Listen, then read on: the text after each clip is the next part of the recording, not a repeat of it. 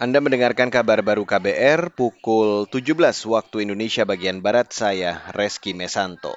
Saudara Mabes Polri mengultimatum ribuan anggota negara Islam Indonesia atau NI agar segera berikrar setia pada Negara Kesatuan Republik Indonesia atau NKRI.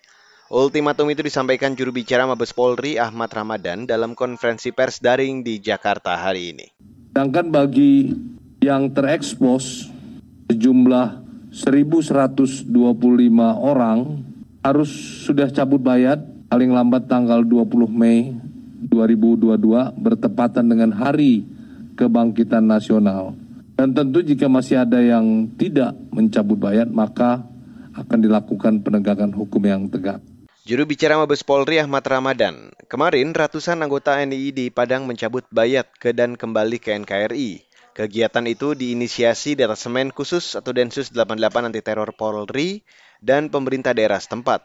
Polri mengklaim mereka telah sadar bahwa organisasi yang mereka ikuti terlarang.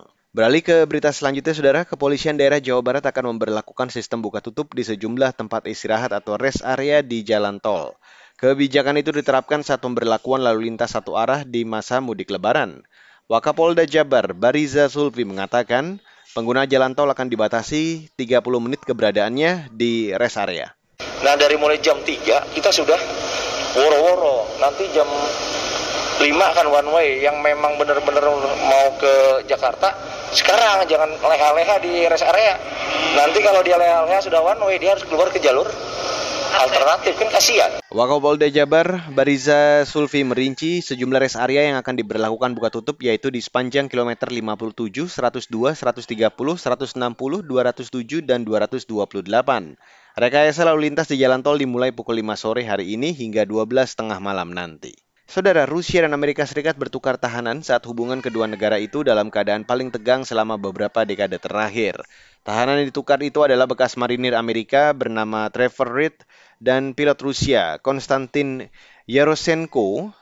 Dikutip dari Reuters, pertukaran tahanan itu berlangsung di Turki. Amerika Serikat berterima kasih kepada sekutunya sesama negara anggota Pakta Pertahanan Atlantik Utara atau NATO saat ini hubungan Amerika dan Rusia jatuh ke titik terendah sejak Perang Dingin. Kondisi itu diperburuk dengan invasi Moskow ke Ukraina.